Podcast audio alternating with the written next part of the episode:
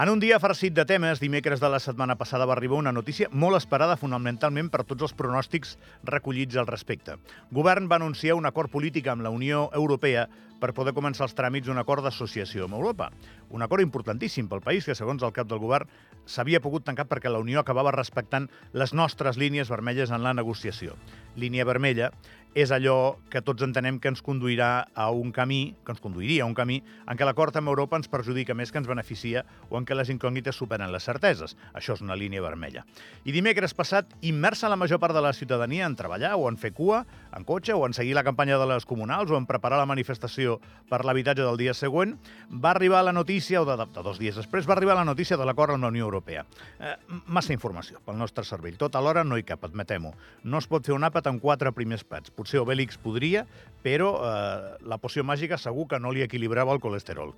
A Obélix davant de tan primer plat. L'acord ara haurà de fer el seu camí reglamentari i el darrer pas serà que decidim si l'aprovem en referèndum.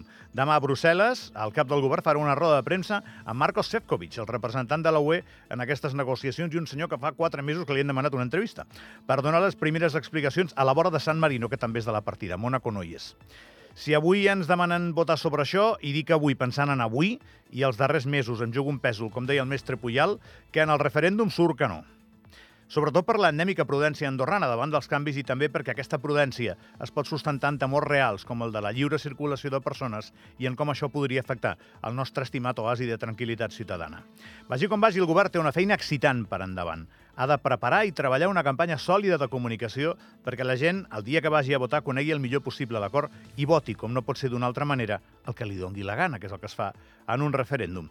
El segon govern es pot, com ha fet Mónaco, podia haver fet un pas al costat i treure's un marron de sobre. I podria, eh? I no ho ha fet. I no un marron petit, precisament perquè convèncer d'això no serà fàcil, eh?